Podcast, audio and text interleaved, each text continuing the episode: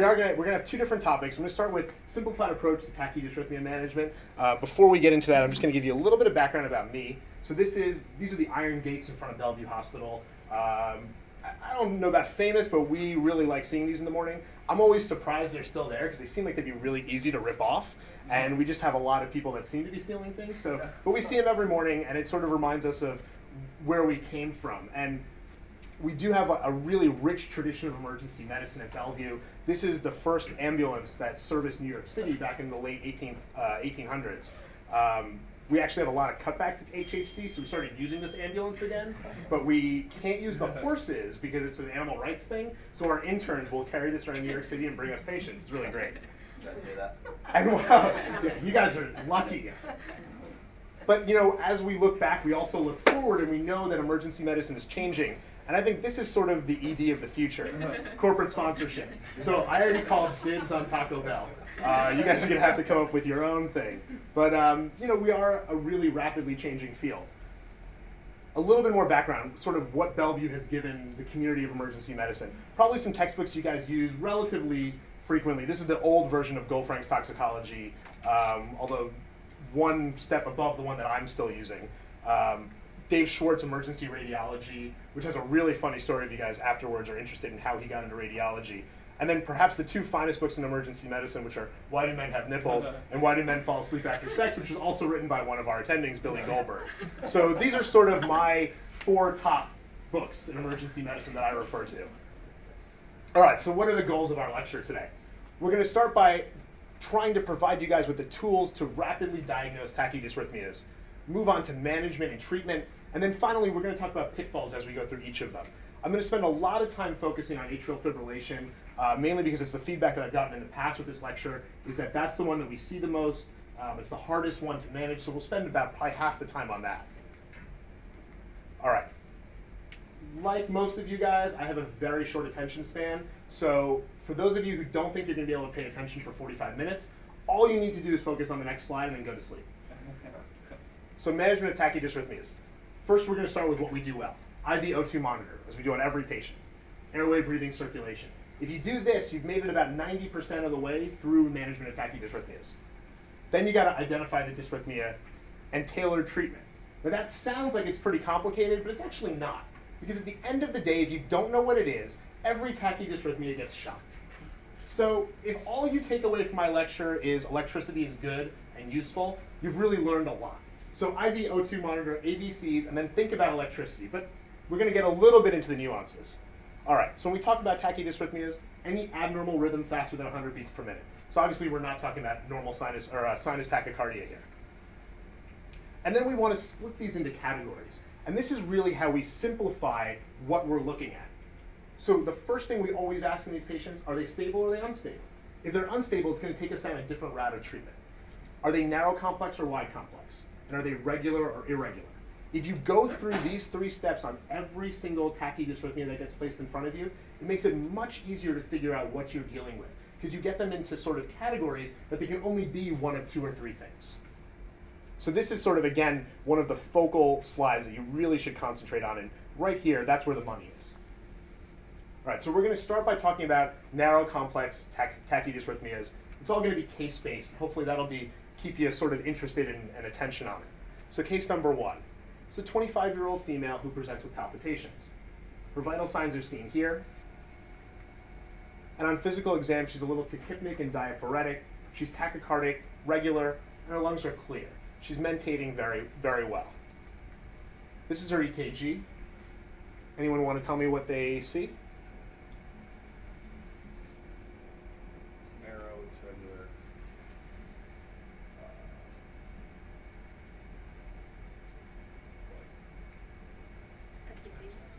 Yeah, so it's it's she's stable, it's narrow, it's regular, it's very fast, right? People shouldn't really be able to go this fast. So this is probably an SVT. And when we say SVT, what we really mean is AV nodal reentry tachycardia. SVT is sort of a, a, a garbage term. And I don't mean that like your answer was garbage, but it, it includes a lot of different things. It includes any tachydysrhythmia that comes from above the ventricle. So it really actually includes sinus tachycardia, atrial fibrillation, atrial flutter, and then AV nodal reentry tachycardia. Now that being said, when we say SVT, we all know what you mean. But this is sort of the more correct term for it. So when we talk about AV nodal reentry tachycardia, the pathophysiology here is this micro reentry circuit in the AV node. So you basically just have impulses going around and around and around, which is why you don't see any P waves on the EKG. Now most of these get conducted down into the ventricle, but not all of them. But it gets conducted in a very regular fashion. And so when you look at an EKG of someone in AVNRT, it's exquisitely regular. And this is sort of where the difference is between AVNRT and sinus tachycardia, where you can tell the difference. So if you have a young patient in sinus tachycardia, they can often get up to close to 200 beats per minute. It can be very difficult to tell. Does that person have P waves? Do they not have P waves? But if you watch the monitor on a sinus tach, they'll go 200, 194, 195, 201, 196. If you look at AV NRT on a monitor, it's 220, 220, 220, 219, 220, 220. It's exquisitely regular. And that's sort of where the difference is. When we get to treatment, this is sort of where we can have a little bit of a hangup is in treating an AV nodal reentry tachycardia when it's actually a sinus tach. And there's actually a pretty funny story about the guy who wrote the PALS algorithm that he shocked sinus tachycardia by mistake because he thought it was AVNRT. So not an uncommon thing to happen. People who are very smart have done this, so don't feel too bad about it. I haven't done it yet, and I say yet because I know it's going to happen. By history, these patients are often going to complain simply of palpitations, maybe a little bit of shortness of breath. And the physical exam is really going to rely on their underlying medical problems. So a 25-year-old with AVNRT may simply present with it at fast heart rate and nothing else. If it's someone who's a little bit older, maybe they have a history of CHF, they can be thrown into florid pulmonary edema. They can have myocardial ischemia as well. So it's really going to depend on what their underlying conditions are. Now, when we talk about treating stable AVNRT, we usually talk about starting with vagal maneuvers.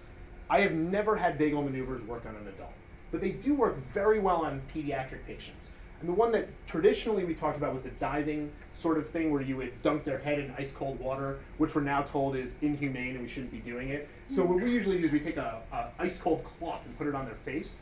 And I've often had that break SVT or AVNRT in pediatric patients. I've also had a bunch of patients that while they're putting the IV in, they break.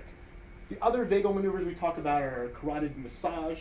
Um, the one thing on that is remember when you're doing carotid massage, it has to be very high up in the neck. It's not just down here over the carotid, it has to be all the way up in the near the mandible um, in order for it to be effective. You never want to do bilateral carotid massage because you'll make the person syncopize.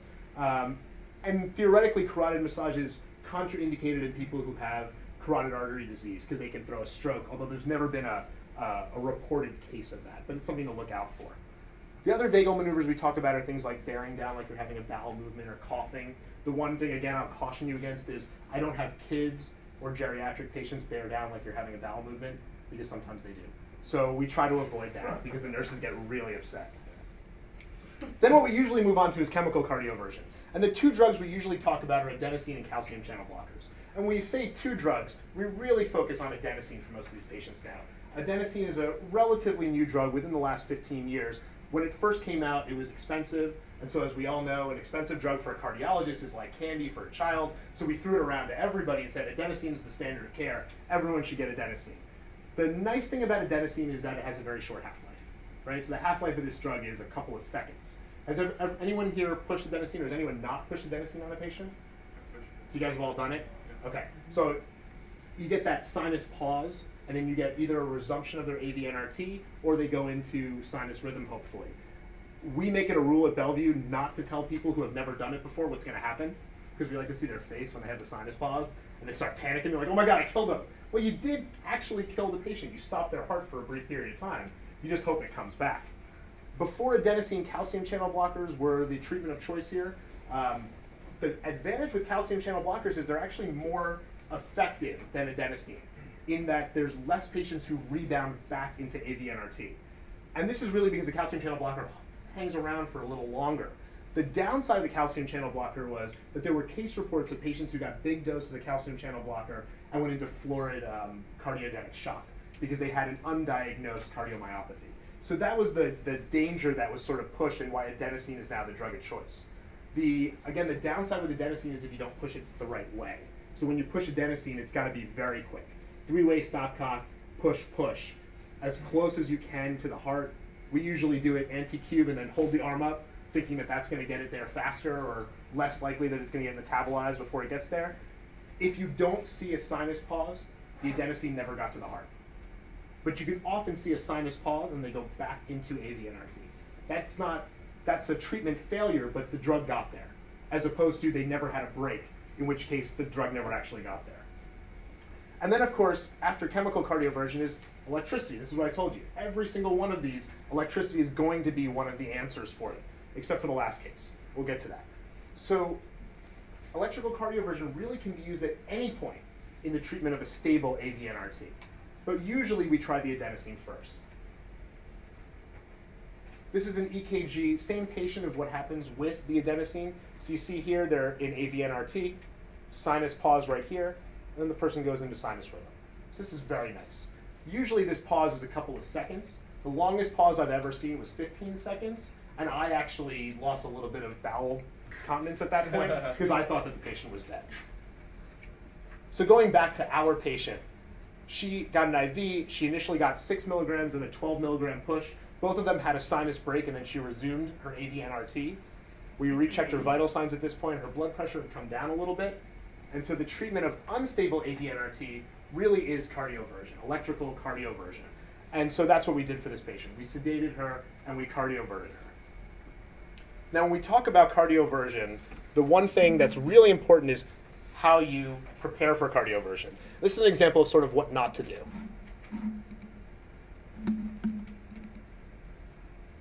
Oops. Oh, maybe not. Sorry. Might not play. Okay. Well, it's not important. Basically, don't cardiovert an awake patient. Um, if you're going to cardiovert them and they have any mental status, they really should get some sedation. Uh, and again, that's going to be something that we talk about throughout this lecture is how we're going to sedate them. So everyone does it differently. If the patient's hypotensive but still awake and talking to me, I usually choose something like etomidate and fentanyl, both relatively hemodynamically stable drugs, very short acting. So the etomidate goes in, I cardiovert them, and within a minute they're back awake and talking to me. So it's a, it's a very smooth on and off drug. There's not a lot of titration, so you get it done fast. Um, we can talk about exactly how to do that. The etomidate dose is usually a third of your intubation dose, is your conscious sedation dose, and then I give about one mic per kilo of fentanyl.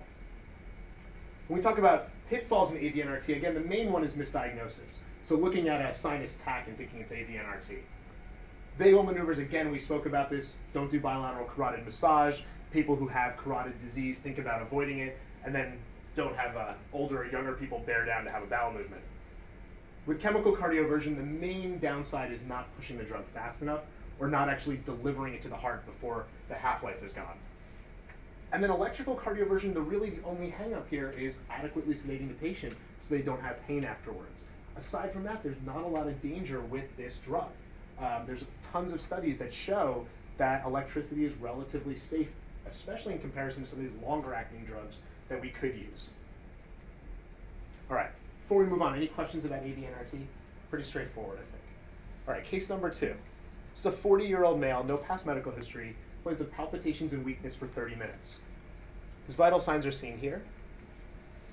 And on physical exam, he's in no apparent distress. He's awake, he's mentating, he's talking to you. He's irregularly irregular in the 130s, and he's clear to auscultation bilaterally. This is his EKG. Someone want to tell me what they see here?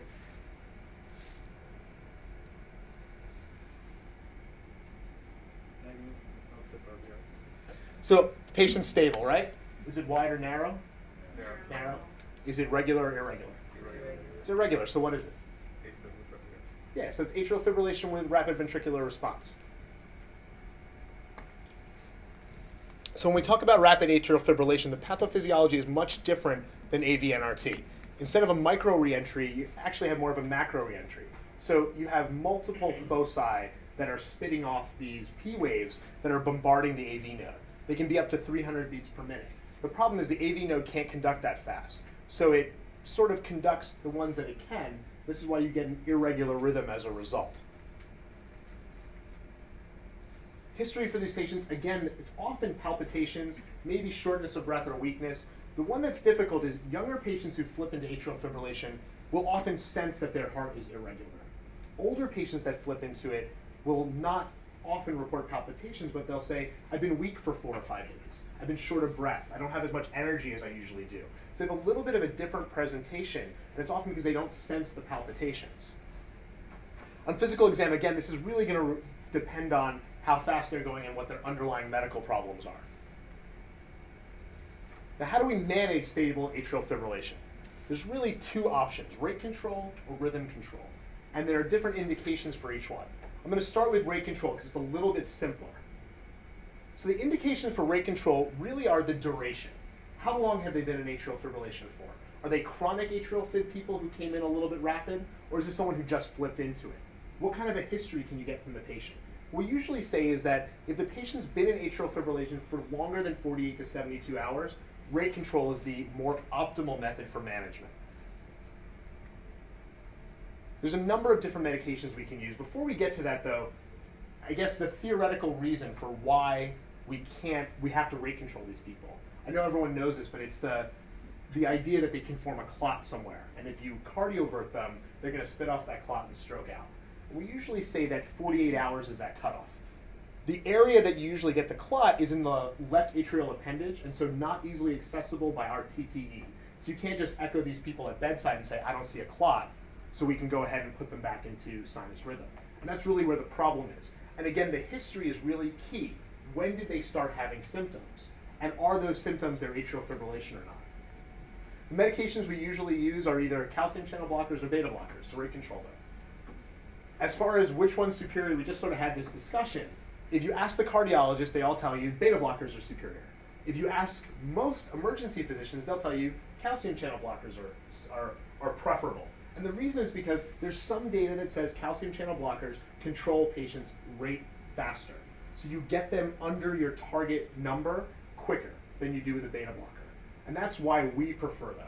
The cardiologists prefer to have patients on beta blockers long term, although there's no real evidence to show that that's better long term. It's just their preference.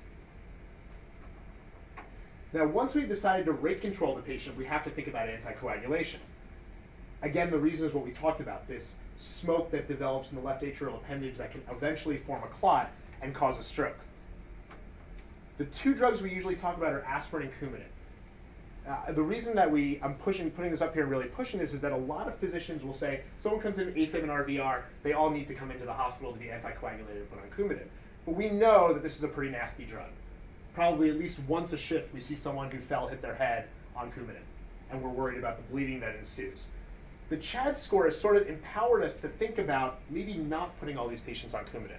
This study was from JAMA in 2001, but I think it's starting to make its way into the emergency medicine sort of mantra a little bit more recently. And this CHAD score basically relies on these five components. Each gets a point except for prior stroke or TIA. And when you look at their sort of risk stratification, what they say is that if you have no points, your risk of stroke is very low. And aspirin alone is fine for anticoagulation. If you're between one and two on here, again, you have a pretty low risk. And so you could choose warfarin, but aspirin may still be appropriate for anticoagulation. And then if you're over two, two or greater really, it's warfarin therapy for all those patients. So what this really tells us is that not all of our patients need to be admitted for anticoagulation. Some of them can be rate controlled and sent home on aspirin. The caveat to that is that they need to have pretty rapid follow-up, and that's going to depend on your institution of how you can do that. I work at two different hospitals that are six blocks apart with totally different populations. In one of my institutions, I can't get a cardiology follow-up for a month. So these patients all are coming in. At my other institution, I can get a cardiology follow-up five minutes before I wanted it. So those patients I can often send home. So it's very different populations, and it's really going to depend on what you have to work with. Now, when we talk about rate control, we often focus on the number. How slow do I need to get these patients down to? And I think what I was always taught was the number was somewhere around 90. That's where we wanted to get them down to to say that we were comfortable with that rate control. They could now be admitted on an oral drug. If we couldn't get them under that number, then we wanted to add something else IV. This study, again, from just a couple of months ago, randomized patients to strict or lenient control. Lenient control was under 120 beats per minute, strict control was under 90 beats per minute. And what they found was that over three years, there was no difference in death, heart failure, or stroke between those two groups. The conclusion was that it's probably safe to control them around 110 to 120. So this really changes how you manage them in the department. Let's say you get a 65 year old that's got an increased CHAD and you're like, well, the person's got to come in. I got to give them heparin, and then I got to get them over to Coumadin. How much medicine do we need to give them? So you just had the case where you gave 10 and 10 a DILT, and then put them on a drip. And once you put them on the drip, now you got to wait for a step down bed in my institution or an ICU bed, depending on where you are. If I got them under 120, I would tell the medicine team, look, New England Journal paper says 120 is good enough. I got them down to 120. I got them on an oral agent. They don't need a drip. So it's totally changed where these patients can go. And this is pretty safe. So now, again, if the patient has ongoing ischemia, they're saying, I'm having chest pain going to my left arm, and they're going to 120, you may need to slow them down a little more. This is all has to be taken in the context of the patient, but relatively safe to control them a little bit more leniently. All right, so we talked about rate control. Before we move on to rhythm control, any questions about that? All right, so let's move on to rhythm. Yes? There was one question. You were Yeah, talking- absolutely. You were talking about the lenient control being less than one twenty, and then you put up that conclusion saying go from one ten. Were, were Their conclusions are 120. Yeah, my I'm sorry, that should be 120. Their conclusions were 120. That's a mistake on the slide. Um, they they shot for 120. They said was safe. I usually try to bring them down under 110 myself, just because I trained at 90. So 120 seems like a stretch to me. That's like 25% or you know 30% more. But 120 is what the study said was safe. Okay, so rhythm control. Again, this this is a paper that was just in the last issue of Annals of Emergency Medicine. Very surreptitious for me um, that this just came out before I talked to you guys. This is Ian Stiell, who, if you guys don't know who Ian Stiell is, he's a Canadian guy who has done most of the emergency medicine research in the last 10 years on atrial fibrillation. So he's sort of a guy that does a lot of this thinking, and he put this study together where they basically looked at eight academic EDs and said, what are people doing for recent onset atrial fibrillation? So these are the patients that we can theoretically put back into sinus rhythm. And what he found was that in his eight institutions he looked at, the choice for rhythm control ranged between 40 and 85%. So a huge variation in management. And when they went to how that was done, again, a huge range in what was the mode that was chosen. 31 to 93% range for chemical and 7 to 69, so just the opposite of that for electrical cardioversion. And only 83% of these patients were sent home. Now, again, you have to realize that they have a little bit of a different system in Canada, and many more of these patients are being cardioverted and sent home than we do in the States. And a lot of this has medical legal implications. If I gave a lecture where I said that we admit most of our patients with new onset atrial fibrillation to the hospital in Canada, I might be laughed out of the room because that's just the exact opposite of what they're doing. In fact, some of the guys up there talk about if the patient doesn't remember when they went into atrial fibrillation, they assume it was less than 48 hours and treat them as that. For us, if they don't know when they went into it, we assume it's more than 48 hours. And a lot of that has to do with the medical legal background that we're working in. That being said, EMTs in Canada cardiovert people out of atrial fibrillation, and they haven't reported a single case of someone throwing a stroke. So I'm not telling you to do it, because I don't want you to be the guy that throws off the stroke and then you lose your license and huge malpractice suit. But it's just a very different kind of management. So this study sort of highlights how people are doing this very differently in different areas, and this is in one area, eight different academic hospitals in the same um, in the same uh, province. So what is really the conclusion? What should we be doing for rhythm control? And the truth is that there really isn't guidelines of what to do. And so again, these are this is from the same Annals of Emergency Medicine last month. Two different opinion pieces, one by Ian Stiell, one by Wyatt Decker, talking about whether we should be putting these people into sinus or not. And obviously Ian Stiell took the side of we should. And so what does he say in this? What he says is that the rate control strategy consists of pharmacologic control of ventricular rate, oral anticoagulation, and admission or discharge with the patient still in atrial fibrillation. With rhythm control, the patient is cardioverted in the ED, sent home in sinus rhythm, and usually prescribed no medications. So you can obviously see where his bias is. I get to send a patient home in a normal rhythm with no medications. Isn't that better than sending them home in atrial fibrillation or admitting into the hospital in atrial fibrillation for all the other complications that can ensue? But again, we don't really have a way to go with this. So I'm going to tell you sort of what I teach my residents and what I do and what I was taught. So again, the justification here is that it's normal sinus rhythm for a reason. That's what we're supposed to do. So why should I be in atrial fibrillation? There is some cardiology literature that shows long term these patients don't have increased risk of cardiomyopathy or myocardial ischemia. But if you talk to patients that go in and out of atrial fibrillation, they'll tell you that they don't like being in atrial fibrillation. It feels crappy. So it's not good for the patient, and in my mind, mechanistically, it can't be good for the heart. The treatment, again, can either focus on chemical or electrical cardioversion. So this is a, another paper by Ian Stiell came out within the last eight to 10 months. It's the Ottawa Aggressive Protocol, and this is sort of what they did for these recent onset atrial fibrillation.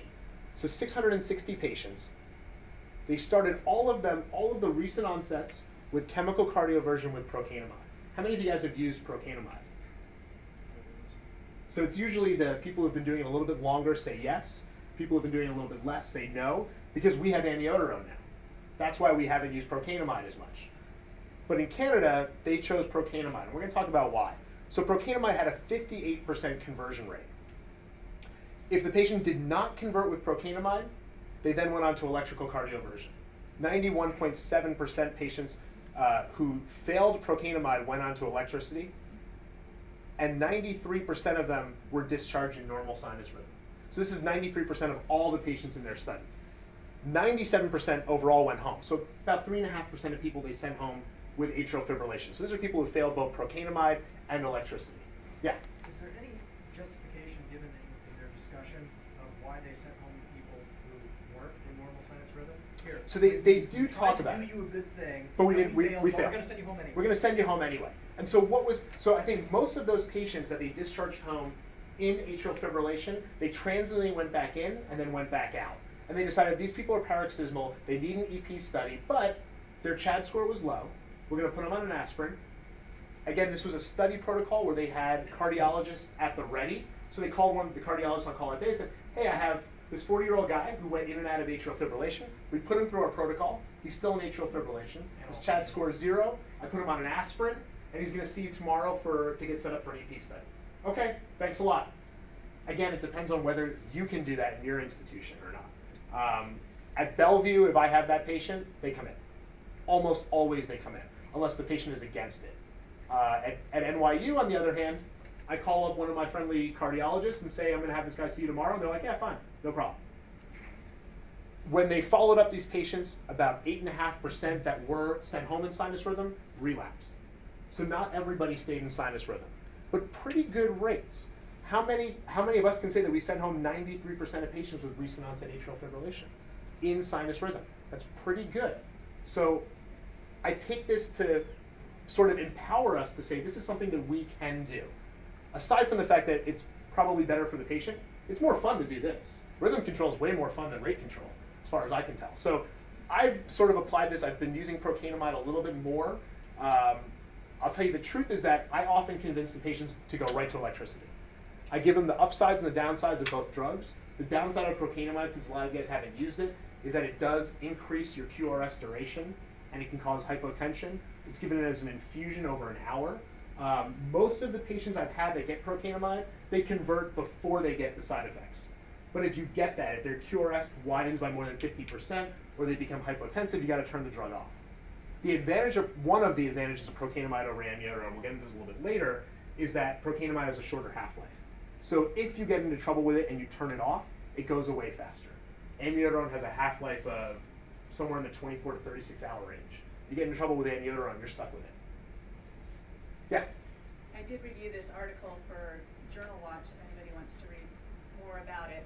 And I think one of the key points is the recent onset. And just to illustrate your point that you made before about the anticoagulation, recently we had a patient transferred to us by helicopter, an elderly male, hypertension, I believe diabetes as well, who had AFib and was started on medication by his primary care doctor, converted to normal sinus rhythm, had an acute stroke, and was transferred to us for interventional radiology to treat his acute stroke, to try to do a clot retrieval.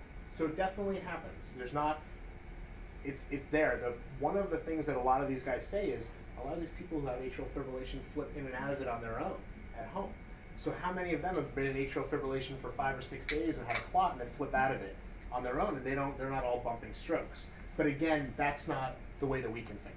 So I'm I'm definitely not telling you to cardiovert patients that have been in atrial fibrillation for an unknown period of time are greater than 48 hours. But if they're under that 48 hour time, I would really seriously think about doing it if you can get a good history. All right, so to get back to, yeah, Anwar. Yeah, just going back to Chris's case, he had also like a Lisbon right thing. Remember that the same patient? I think he may have, So it was kind of but he was not anticoagulated. It was- right. And you just go on when the patient started feeling crummy. The patient can tell you, I started feeling That's a tough one. A day ago. You feel like you become comfortable with that. I'm comfortable with that. So yesterday I was doing fine, then all of a sudden I started having my, my heart rate felt irregular. I started having palpitations. That's usually a good enough history for me, unless they tell me, oh yeah, over the last three weeks I've sort of been feeling I've been going in and out of it. So then I'm not comfortable with it. If it's a my typical one is a that I get that I don't know the history is a 85 year old woman with multiple medical problems who says I feel weak and dizzy. How long has it been going on for? A week. They're in atrial fibrillation. Even if she said it's only been going on for a day, I wouldn't cardiovert that patient because I don't. Weak and dizzy is just it's too non-specific for me. They can't if they can't tell me that they feel irregular, then I can't trust that history. So I, I am I'm not I'm not a cowboy, right? And we're still pretty conservative about this, but if they give me a good history, especially like this gentleman that we had, he actually was out running, felt palpitations, stopped, and it didn't go away, and walked into the emergency room. That's a pretty good history for me to want to put him back into sinus. Now, just to get back to amiodarone, um, I, I don't want to focus on this too much. When amiodarone came out, again, expensive. It was pushed by the cardiologist as a great drug. In my mind, a drug that's good for everything can't be good for anything. Um, and so I'm not a big fan of this drug. When it came out, you would think that what they did was prove that amiodarone was better than the standard of care. So the standard of care for uh, atrial fibrillation for conversion was procainamide at the time. They convert, they compared amiodarone to placebo. So they said, if I give you a cardioactive drug, does that work better than normal saline for putting you out of atrial fibrillation? So this is pretty typical of some of these drug companies. So this is from 2003, amiodarone versus placebo. No difference in conversion rates at one and two hours post administration. Now, again, we already talked about this. We all have attention deficit disorder. I gotta wait two hours for no effect? That's no good. At six to eight hours, they had a slight, non statistically significant increase. So even at eight hours, these patients were still not there. So if you have a guy who comes in and says, I've been having palpitations for a day and a half, then you waited eight hours and you still haven't put him out of it, now you might be behind the eight ball and you can't convert him anymore. At 24 hours, there was a, a statistically significant increase in cardioversion. So if you have time to wait for 24 hours, if your patient has time to wait for 24 hours, amiodarone might be the drug for you. If not, I would tell you to use something else. So procainamide is one of them. There's a new drug that Canada has available, we don't, called vernakalant, that has a little bit higher. I think it's about a 76% conversion rate, but again, not available to us yet. And still at the end of the day, electrical cardioversion is over 90%. So the implications from the Ottawa aggressive protocol is that this was safe and effective for acute onset atrial fibrillation. The majority of the patients with acute AFib can be discharged, even if they're not back into sinus rhythm. But the majority that you cardiovert do, do stay in sinus rhythm. So over 85% of them will stay in sinus rhythm. You ever experienced the Butylite? I usually use ibutilide. We don't have a I deal don't line use it very often, but so I can't say it works or not. Like some people it works, and others it Right. Yeah, Butyline's another choice. We don't have it available. It an hour, and I usually have on a magnesium drip at the same time. I, I, I I love you. Magnesium's a great drug.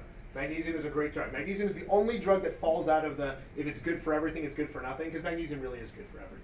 Um, but I agree. I think magnesium has a has a role in this, and we're going to get to a couple of studies that look at that. So now, just to look at safety of putting these patients back, 30-day outcomes. Again, pretty recent in the academic EM. 400 patients with acute AFib or flutter. 96.5% were electrical, electrically cardioverted. No patients had CVA or thromboembolic events. Now, granted, this is going to be a rare outcome. Having someone with atrial fibrillation throw a clot and stroke out, and 400 patients may not be enough to say that there's no risk. In fact, it's not enough to say there's no risk. But the risk is pretty low if it's there. Again, going back to variation in management, uh, Ian Stiell's paper, they looked at with chemical cardioversion, what were the side effects, and electrical cardioversion.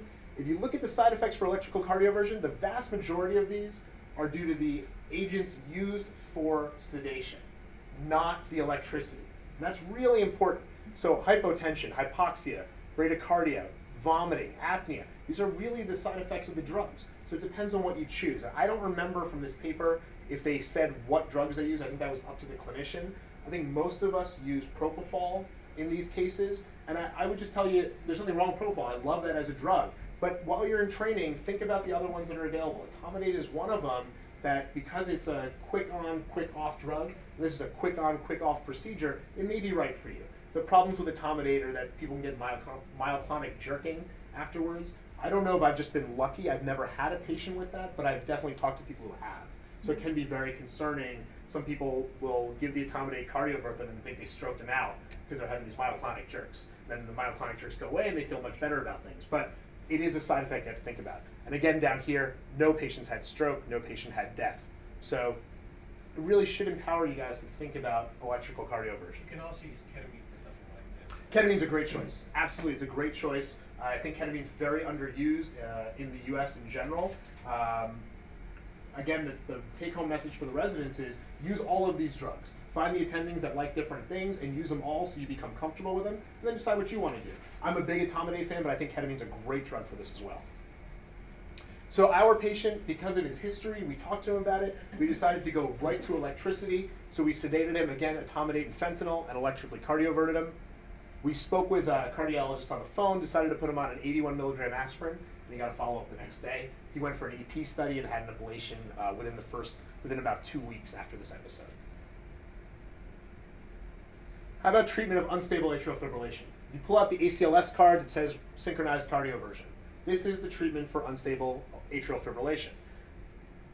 The one problem with this is that recent onset atrial fibrillation is extremely electrical sensitive. So they often cardiovert with electricity. Chronic atrial fibrillation is extremely electrical resistant. You can literally throw a lightning bolt through some of these patients and they will still be in atrial fibrillation. And so this is not enough. ACLS has failed us. Cardioverting this patient, you can car- I have actually done this. Cardioverting the patient 200, 200, 200, four or five times and didn't get a budge. Nothing. So this is a really tough topic. We can literally talk about this for 45 minutes. And I'm not going to do that, but I'm going to tell you sort of what I do. And you can talk to your attendings and ask what they do, but there's no answer to this question. So when I have a patient with chronic atrial fibrillation who now is an RVR and they're unstable, so they're hypotensive, and I think that this is lone atrial fibrillation. So I don't think that they're septic and their tachycardia is because of sepsis. I think their tachycardia is causing the hypotension. Again, very extremely shock resistant. And so this is sort of the algorithm that I go through. A little complex, but let's see what we do. So first, I start with cardioverting them once at maximal joules. Don't screw around with 100. It's not going to work. Go right to the max on your on your thing. So I try that once. If it works, great. I win. Pressure comes up. Hopefully they do well. If it doesn't, at the same time I'm giving them a bolus of fluids, 500 cc's. You don't want to give them too much. Often these patients will have a little bit of failure, so you have to be a little careful. The next thing I do is dig load them. I hate digoxin.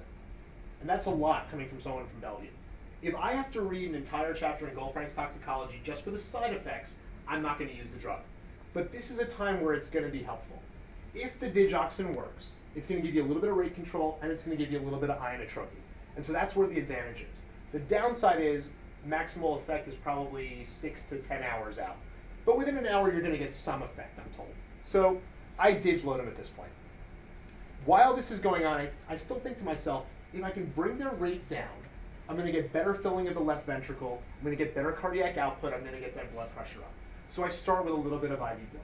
Now, this is again not the time where I'm wading in with 20 milligrams of DILT over two minutes.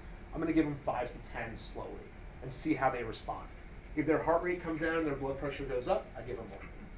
If their heart rate stays the same and their blood pressure comes down, I abandon it. But you sort of have to sit at the bedside and give it time. In the meantime, I'm using something peripherally to bring their blood pressure up. I know the phenylephrine not curing them, but I gotta maintain an adequate map to add, to maintain perfusion. And theoretically, if I bring their map up and I increase their perfusion to their coronaries, that may actually help with their cardiac output. So I'm gonna do these things in concert. It seems a little bit counterintuitive to be giving an agent that's bringing their blood pressure down with something bringing their blood pressure up, but this is sort of the way we have to do it. So I'm slowly titrating these two. Phenylephrine is my drug of choice because it's a push dose pressor, and I don't need a central line for it, so it's a nice drug for this particular case. If I've been doing this for a while, I've digitaloaded and I'm still not getting much of an effect, I definitely think about magnesium. And there are some studies that have shown that magnesium has a pretty good conversion rate. Magnesium with DILT had a better rate of conversion than either DILT alone or magnesium alone. One of the studies that looked at it, this is parenteral magnesium versus amiodarone. So again, if you go to ACLS, it tells you if shock doesn't work, give them the amiodarone. But we just saw that amiodarone is not going to work for quite a while. So this study was in 42 unstable ICU patients. So similar to our population, they got amiodarone plus infusion or magnesium plus infusion. And again, the magnesium group had a higher conversion rate than the, mag- than the amiodarone group at every, at every time interval they looked at. The dosing for the magnesium was 37 mg per kg as a bolus and 25 mg per kg per hour. The interesting thing is here that magnesium we all think about is going to vasodilate them and bring their pressure down more. They actually found that the magnesium versus the amiodarone, there was no difference in the drop in blood pressure between the two groups. So again, should empower you to think about a very cheap drug that's always there, that's very good. All right, so pitfalls in atrial fibrillation management. Again, misdiagnosis. Sometimes they can be so fast you can't tell they're irregular or regular. One of the tricks that you can do is to speed up the EKG paper. That's going to space your complexes apart so you can see whether they're regular or irregular. The inadequate history of onset. So don't cardiovert that patient if you're not sure when they went into it. And again, inappropriate anticoagulant use. You don't want to use Coumadin if you don't have to. Just a quick review of narrow complex tachycardias. Again, AVNRT should be exquisitely regular. Chemical versus electrical cardioversion, they're both extremely effective as long as the drug is delivered. Atrial fibrillation, recent onset really should equal rhythm control. Electrical cardioversion has a higher success rate. Amiodarone's not as good as you think, and always refer to this CHAD score when you're thinking about anticoagulation. So we're going to move on to the wide complexes. Any questions about the narrow? So wide complex, and I put this up again because we've been talking about electricity a lot, but in wide complex tachycardias, electricity really should be right there all the time. So case number three. It's a 50-year-old guy with a history of coronary artery disease and a CABG, comes in with palpitations for 30 minutes. His vital signs are seen here. And on exam, he's not in any distress. He's talking to you. He's sitting up. He says, yeah, I woke up this morning. I felt my heart racing, and uh, it didn't stop, so I came in. Here's his EKG. Someone want to tell me what they see? So the patient's stable. I'll take the easy one. Is it wide or narrow? Wide. Is it regular or irregular? Regular. Looks pretty regular, right? So wide and regular. What is it? VTAC, right? So I was actually a third year resident when this came, case came in. So I took the EKG to my attending. It was like 8 in the morning. I was all excited. I made a cardiovert someone. I said, hey, look, this guy's got VTAC. Let's go shock him. And he goes, okay, well, how do you know it's not atrial fibrillation with aberrancy? Well, I was a smart ass. So I said, it's, it, it's so regular. Look at that. It can't be atrial fibrillation. He goes, okay, fine. What about SVT with a aberrancy?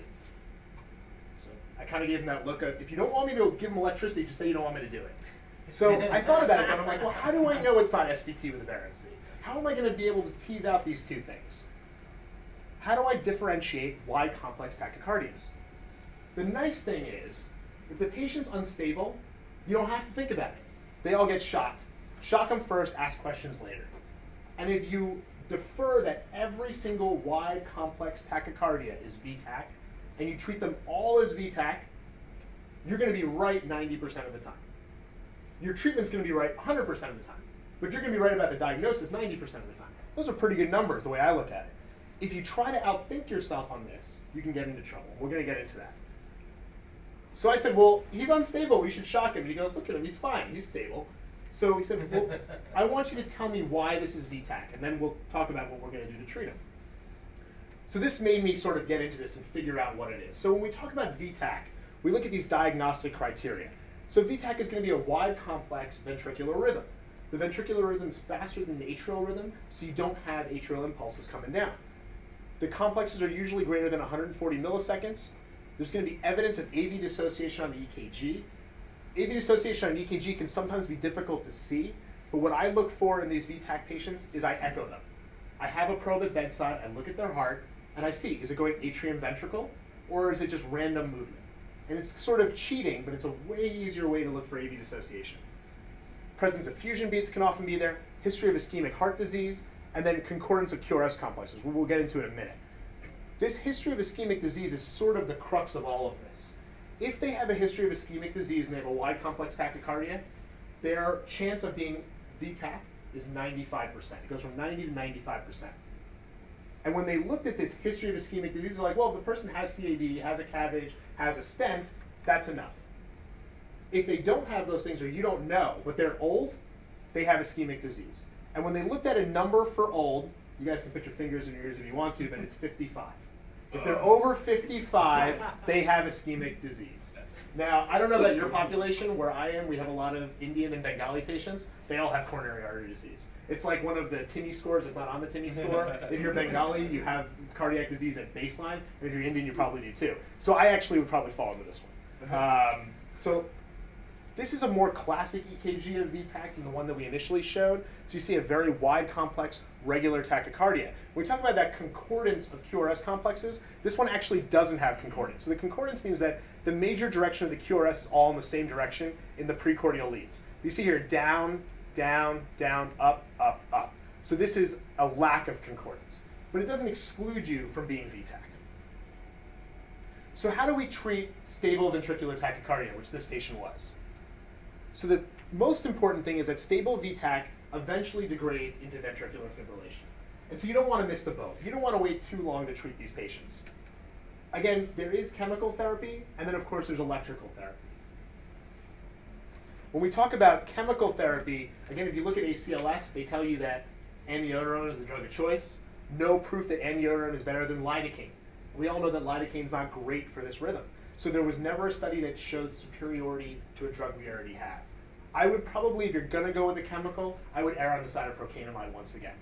Again, it's my, my leaning towards the fact that amiodarone, I'm gonna be stuck with it if I get into trouble. Procainamide, I can shut it off. The truth is that I probably had about maybe eight or nine patients with stable ventricular tachycardia, and I convinced them all to go to electricity. I just tell them that, listen, no half-life, no drug left on board, and I'll have you out of this rhythm in about five seconds, and you won't remember it. The last one I did, we gave him etomidate and fentanyl, cardioverted him, went back into sinus rhythm. When he woke up, he said, so when are we going to get started? That's what I want. He didn't remember it, he didn't feel it, and he was out of VTAC. I don't like him sitting around for a long time. You were saying right now.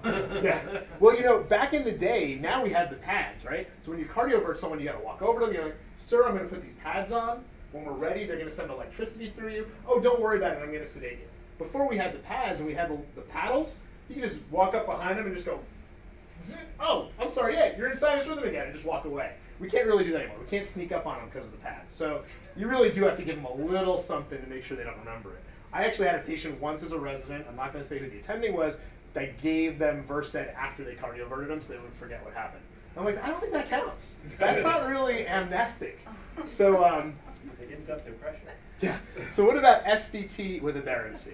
So the definition of this, again, it's a wide complex tachycardia with some aberrant conduction. So that's either they have a right bundle or a left bundle branch block, or they have something like WPW. They have an accessory pathway. And when we look at the characteristics, they're young, they don't have ischemic disease, they have the presence of RS complex in the precordial leads, the RS duration is less than 100, and they don't have AV dissociation. These are things that we should see in SVT with aberrancy. Now, this is sort of one of the ones that we always go to, the Brugada criteria. So the Brugadas are five brothers who are all cardiologists. Their parents are very proud of them, and they worked out this sort of algorithm. A little complex, but if you go through it, it's not that bad. The first step is basically, uh, are there an absence of RS complexes in the precordial leads? If you meet any of these criteria, you're VTAC. So if you have absence, you're VTAC. If you don't, then you move on to number two. Is it less than 100 milliseconds, the RS duration? If it's less than 100 milliseconds, you move on to the next one. If it's greater, you're VTAC. Do they have AV dissociation? Same thing. If they have AV dissociation, they're VTAC.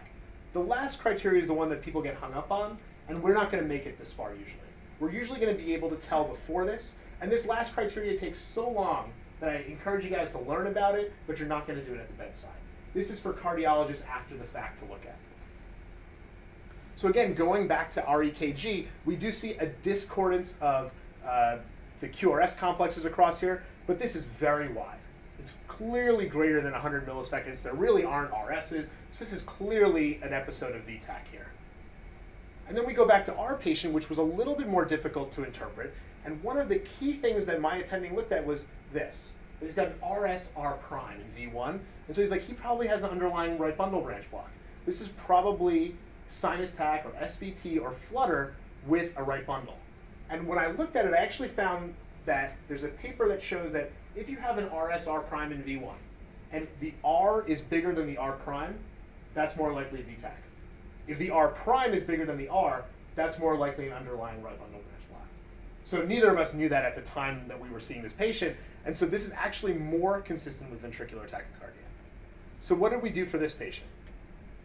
Well, it wasn't my choice, but we went with amiodarone. So we got two boluses of amiodarone with no change. He was still wide complex tachycardia in the 160s.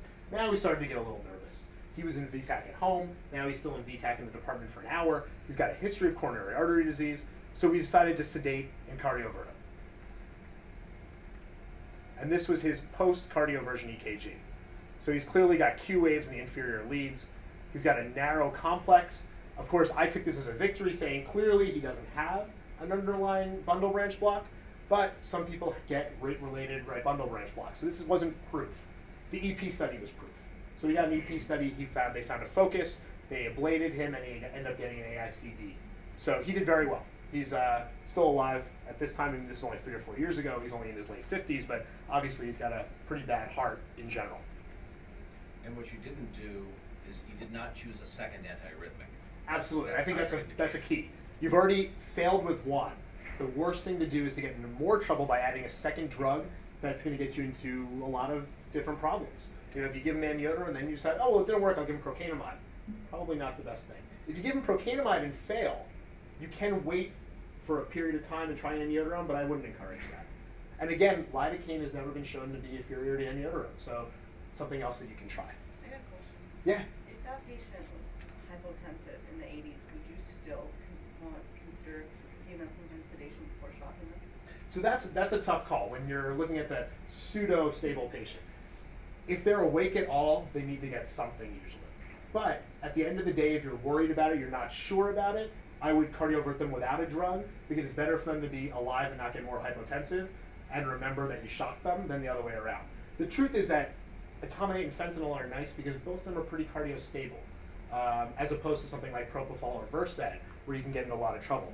Fentanyl at a dose of one to two mics per kilo doesn't really cause a lot of hypotension, um, and it is relatively brief. So I find that those are better choices if I'm going to do it. But again, propofol has the advantage of it goes away pretty quickly. So if you need to use it, uh, you can, but I usually use something else. And if, if they're hypotensive, would you potentially hold one of them, the etomidate and the fentanyl, maybe the fentanyl and give the etomidate, because we That's give etomidate all the time, right? Absolutely. For trauma patients, and half of them are not the most stable creatures Absolutely. in the world. And, and that's what a lot, a lot of people I know do is that they'll give the amnestic agent, but not the pain agent.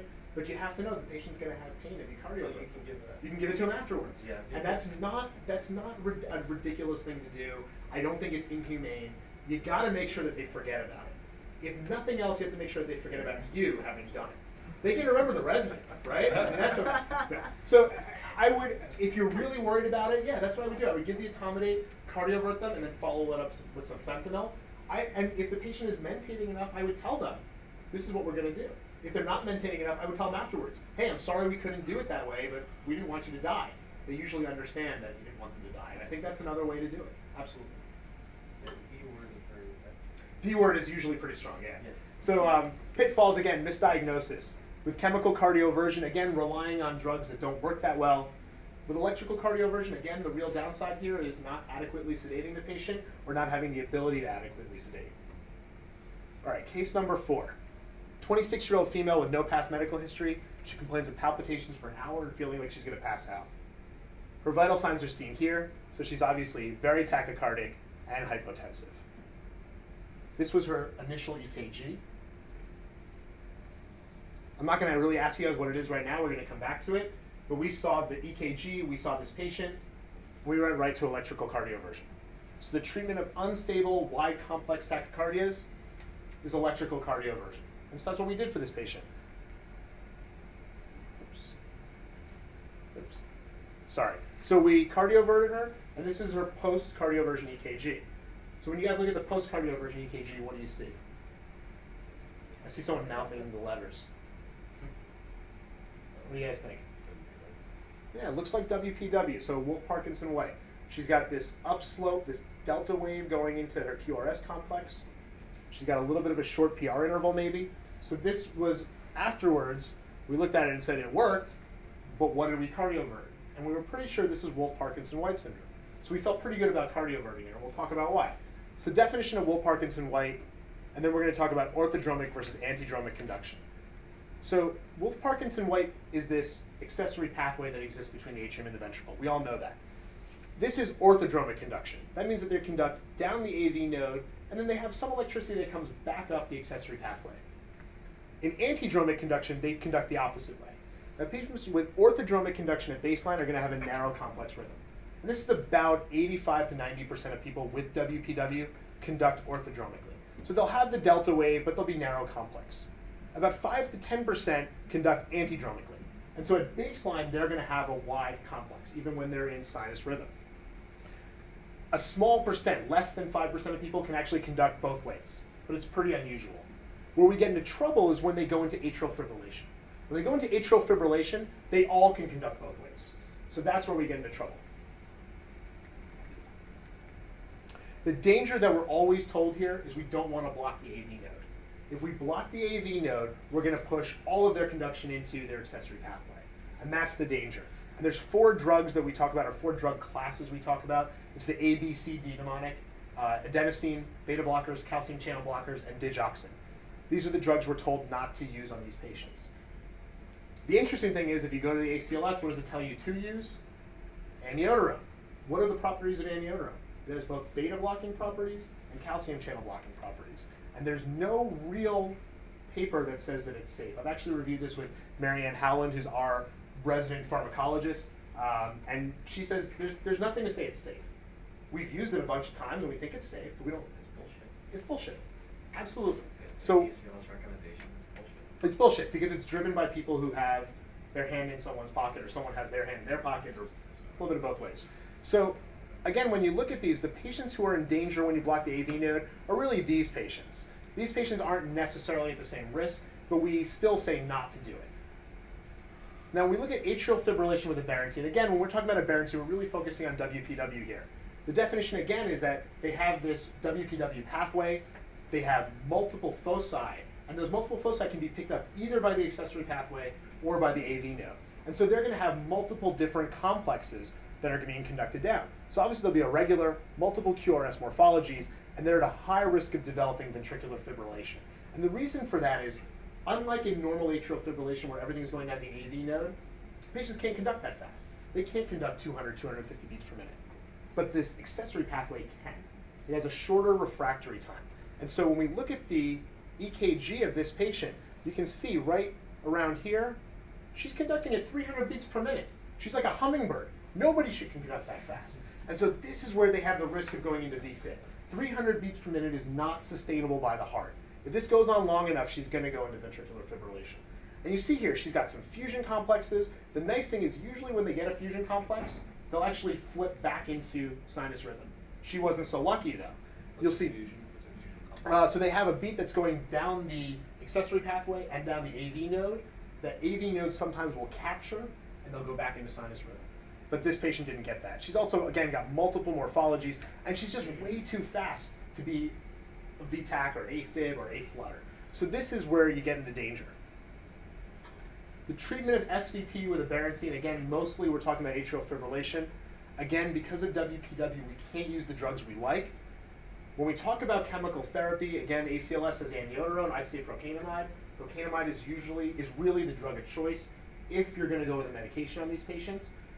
The problem again with procainamide is the side effect of widening the QRS in a patient who already has a wide QRS. That's why people get a little bit nervous about procainamide. Again, though, you shut it off, it's gone. It's a nice drug for that reason. But I would just tell you go right to electricity. There was actually talk about ACLS changing the algorithm for the newest uh, version, where they were going to put cardioversion above procaine, above chemical cardioversion. I think in the recent one they actually put procainamide above amiodarone. I'm not positive about that, but I think they changed the rankings of the drugs. But there was a lot of talk that the cardiologists were saying go right to electricity. It didn't get instituted in the last version, but I would look for that in the future. I would tell you just don't bother with this step. This is way too unstable. I don't even want to wait 10 minutes to get them out of this room. I want them out of it now because they're going to degrade into something much more dangerous. Why did your attending want to start amiodarone when he suggested maybe it was SVT with the Baron On that previous patient, Yeah. Patient was going at 160. There wasn't any features of it that really looked like they weren't irregular. So maybe this was an AV NRT uh, with a aberrancy. That's sort of what he was thinking, or it was atrial flutter with a aberrancy, as opposed to it being um, atrial fibrillation with WPW. And again, in a 53-year-old who's had a CABG, somebody should have noticed that he had WPW So it's unlikely that that guy had WPW. More likely he had a right or a left bundle branch block at baseline, especially having had an MI before. So I think that's more of the way he was looking than that he did. I don't think he thought it was WPW. Does that make sense? Okay. So pitfalls in management here again: misdiagnosis, relying on the wrong drugs, and inadequate sedation for the patient. With these WPW patients, somebody was in flutter with WPW, they probably get adenosine all the time. Is that, uh, is, is there a rate at which people have degraded into? I, I, I didn't find anything to say that uh, that show that those patients degrade into it. Um, it's one of the problems with adenosine, and again, it's sort of why we should think relatively simplistically. If you have a regular wide complex tachycardia, just assume it's VTAC and treat it as VTAC. And if you do, you're going to be right. If you, that's where you can be too smart and make the wrong choice. So you look at that and you're like, oh, I think that's AV NRT with aberrancy. I'm going to give him uh, six of adenosine. You stop AV conduction, everything goes down the accessory pathway, and they go into VFib. So that's where we can outsmart ourselves. Um, my residents get tired of me saying that I'm just a stupid ER doc. I don't mean it from the fact that I'm stupid. I mean it from the fact that I'm going to think simply about complex issues, and I'm going to get into less trouble. Yeah. But if, but if it's a flutter, first of all, the patient's probably gonna be twenty years old, you're not gonna have ischemic heart disease. And second of all, adenosine wears off so fast that you get away with it.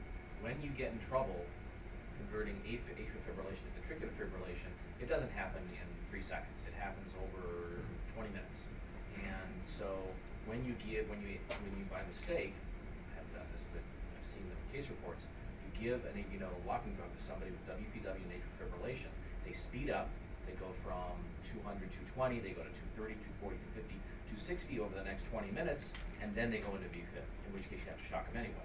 So, shock them earlier, but it's not the kind of thing where. It's not instantaneous. Yeah, what I'm trying to say is that the, it takes a while to, to block the AV node and have stuff pour down the accessory pathway before AFib translates into VFib, and adenosine is too short for that. So there's even a recommendation now to give adenosine to wide complex tachycardias as a first choice drug in the 2010 guidelines. I think it's crazy. It's absolutely the wrong drug. You just get away with it because it's so short acting. And the one thing we didn't, uh, that I didn't mention was that in addition to these drugs blocking the AV node and pushing everything down the accessory pathway, they actually make the accessory pathway less refractory.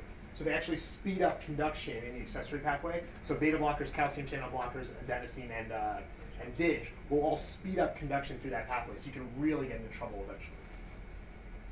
All right, so case number five. These ones are the last two are a little quicker. We'll get through this pretty fast. It's a 57-year-old gentleman, history of alcohol abuse and methadone dependence, who comes in with a syncopal episode. This is a guy that I see almost every day, sometimes more than I see my family. He uh, stays in the, the park across the street from Bellevue. Only in New York would we call it a park. It's a brick cement thing with two trees, but that's a park in New York. Um, and he was drinking all day with his friends. He says, "Oh, I got a little drunk and I passed out. No big deal." These are his vital signs. And on exam, he was obese, he was a little sweaty, but it was the summer, we didn't really think much about it. This is his EKG. And just for matter of time, it's sinus. The only thing that's here is you can see his QTC is a little long, 521. So this was a very busy day in the emergency room. The EKG machine got left on the patient. One of the nurses was walking by and looked at it and said, that doesn't look right. Pressed print and got this. so this one's easy. This is Torsade, multifocal or polymorphic ventricular tachycardia. And so the patient really did have a syncopal event. It had nothing to do with the alcohol, except that it kind of did. So polymorphic ventricular tachy- tachycardia or Torsade de Pointes. When we talk about Torsade again, this is a, poly, uh, a multifocal or a polymorphic ventricular tachycardia. And one of the important things is that Torsade is not a diagnosis, it's a symptom. And you got to look for a diagnosis. Hypokalemia and hypomagnesemia are probably the most common. Drug overdose, we commonly talk about tricyclics for this. Congenital QT prolongation or drugs that prolong our QT, also very common. These are things that we have to be looking at. Our patient actually ended up with mm, three of these things. So he was both hypokalemic and hypomagnesemic because he was a chronic alcoholic. He had methadone, which is a classic QT prolongation drug. I don't know how much methadone you guys have here for heroin cessation. Not really. It's an East Coast thing. We like to we like to replace the drug with another drug as opposed to trying to actually cure people. But I didn't say that. Um, and he actually had an underlying condition. He had cardiac sarcoidosis causing a QT prolongation at baseline. So he had this, he had a drug on, on board, and the hypokalemia and hypomagnesemia. Now the treatment for Torsade is pretty easy. It's magnesium infusion. When we talk about magnesium as a drug, again, it's a drug I love. I talk about it all the time. The dosing is sort of all over the place. For Torsade, it's two grams as a, as a bolus, two to four grams as a bolus, and then you usually put them on a drip at half of the dose you gave as a bolus. Isoproterenol, I don't have it available. I don't even know if anybody has it available anymore. Overdrive pacing, the idea here is in Torsade, every once in a while you'll get an atrial beat, and if you can capture that beat, you can pace them back into sinus rhythm. Nobody does this anymore, not, not in the emergency room. And then if none of this works, cardioversion's on the list, but it's probably not going to work until you reverse their underlying problem. Just as an aside, syncope versus seizure, really important topic. Did the patient seize? Did the patient syncopize? So really two interesting studies from the last year and a half looking at this. And what they showed was this first was um, case reports of patients who've been diagnosed with epilepsy, one of them for up to 20 years, multiple AEDs, refractory seizures. There was the thought of whether the patient was even taking their medications at all. And when someone actually got an EKG on this patient, they had QT prolongation. So what I would say is if you look at the ACEP guidelines, they actually don't say that it's our standard to get an EKG on every patient with a seizure. I think that's asinine. Every patient who comes in with a seizure should get an EKG. I don't care how long they've had a seizure disorder for, just get an EKG. It's cheap, it's free, it doesn't hurt, and it gives you a ton of information. And these patients can be misdiagnosed. So I'm not saying this is something that's going to happen every day to you, but if you catch one of these patients, you've saved somebody's life. Pitfalls in management of torsade, again, confusing syncope and seizure, and then remembering that this is not a diagnosis, it's just a symptom. So you still got to look for something. All right, last case.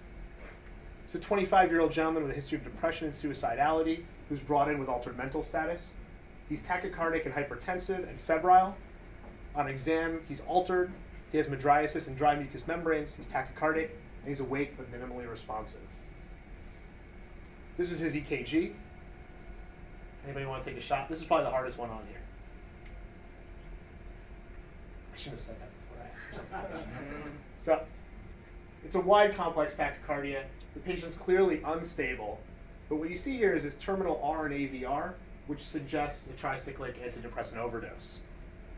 And that's what this patient had. I couldn't find any pictures of TCAs except for doggy TCA. Um, we actually had a case of someone who took their dog's TCA at Bellevue uh, because they thought it was a good idea. Uh, so tricyclic antidepressant overdose. I'm from Bellevue. I know this is a tachydysrhythmia cardiology lecture, but if I don't do a tox case, I'll actually lose my job. So this is the one I'm doing. TCA overdose. Pathophysiology here, very complicated. The main thing on the heart is that it's a sodium channel blocking drug, but it has a number of peripheral effects and it has anticholinergic effects. That's why these patients come in with an anticholinergic toxidrome. The big pitfall here is someone with an anticholinergic toxidrome that actually got it from a TCA. What's the drug for anticholinergic? What's the, the reversal drug for an anticholinergic toxidrome? Physostigmine. So if you give physostigmine to patients with TCA overdose, you can actually precipitate seizures, which is going to worsen acidosis, which is going to worsen the TCA overdose. So um, what I was always recommended by our tox people is if you have an anticholinergic toxidrome, you get an EKG. If they have no signs on that EKG of a TCA overdose, you can use physostigmine. The truth is that you don't have to You can use supportive care for an anticholinergic overdose. It's just kind of fun because you give them the physostigmine and they reverse like that. It's pretty cool. The main EKG findings that we focus on, again, that terminal R in aVR is key. The other things we look at are widening of the QRS. So a QRS complex greater than 100 milliseconds predisposes them to an increased risk of ventricular tachycardias. About 50% of patients with a, over 100 milliseconds will get a VTAC. Um, and if they are over 160 milliseconds, they have an increased risk of seizures, ventricular tachycardias, and ventricular fibrillation. So these are the dangerous things. Treatment here, if it's recent, you want to do orogastric lavage. All of these patients, when we talk about supportive measures, should probably be intubated. If they, if they really are a TCA overdose, they're going to get worse before they get better. I would take over their airway. If it's recent, I would think about whole bowel irrigation or a gastric lavage. And the real antidote here is sodium bicarbonate. Sodium bicarbonate works in a number of different ways. The main one is that we think the sodium load displaces some of that TCA, so it stops some of that sodium blocking property. Um, the other things are the alkalinization actually may be helpful to eliminate some of that TCA. Uh, this is, as far as I know, not a dialyzable drug, so you really have to get the sodium bicarbonate on early. Um, other supportive things, if they're hypotensive, hypotension and a TCA overdose can be very tricky. Um, they can either be hypotensive because of decreased inotropy or because of peripheral vasodilation, and there's no way to tell who's going to be which one. So I just recommend putting an echo on them. If on echo you see their left ventricle going like this, then they need a peripheral agent for SVR. If you see their heart doing this, dobutamine is probably your drug of choice. Um, those are recommendations from both Peter W. and Bob Hoffman, who are, as far as I can tell, the gurus on this particular topic. Um, but again, quick look echo is going to be very helpful for those patients. Pitfalls in management of TCA, again, misdiagnosis as a simple anticholinergic toxidrome, delay in definitive airway control, delay in antidote administration, and then now just a quick review of everything we talked about. Not all wide complex tachycardias are ventricular tachycardia, but 90% of them are. And if you have ischemic heart disease, that number goes up to 95%. If the patient's unstable, electricity is your best friend. If you suspect underlying WPW, don't use those ABCD drugs. Torsades a finding, not a diagnosis. And lastly, suspect a TCA overdose in any of your anticholinergic toxidromes. A couple of pages of references just to prove that I didn't make anything up. You guys have any questions?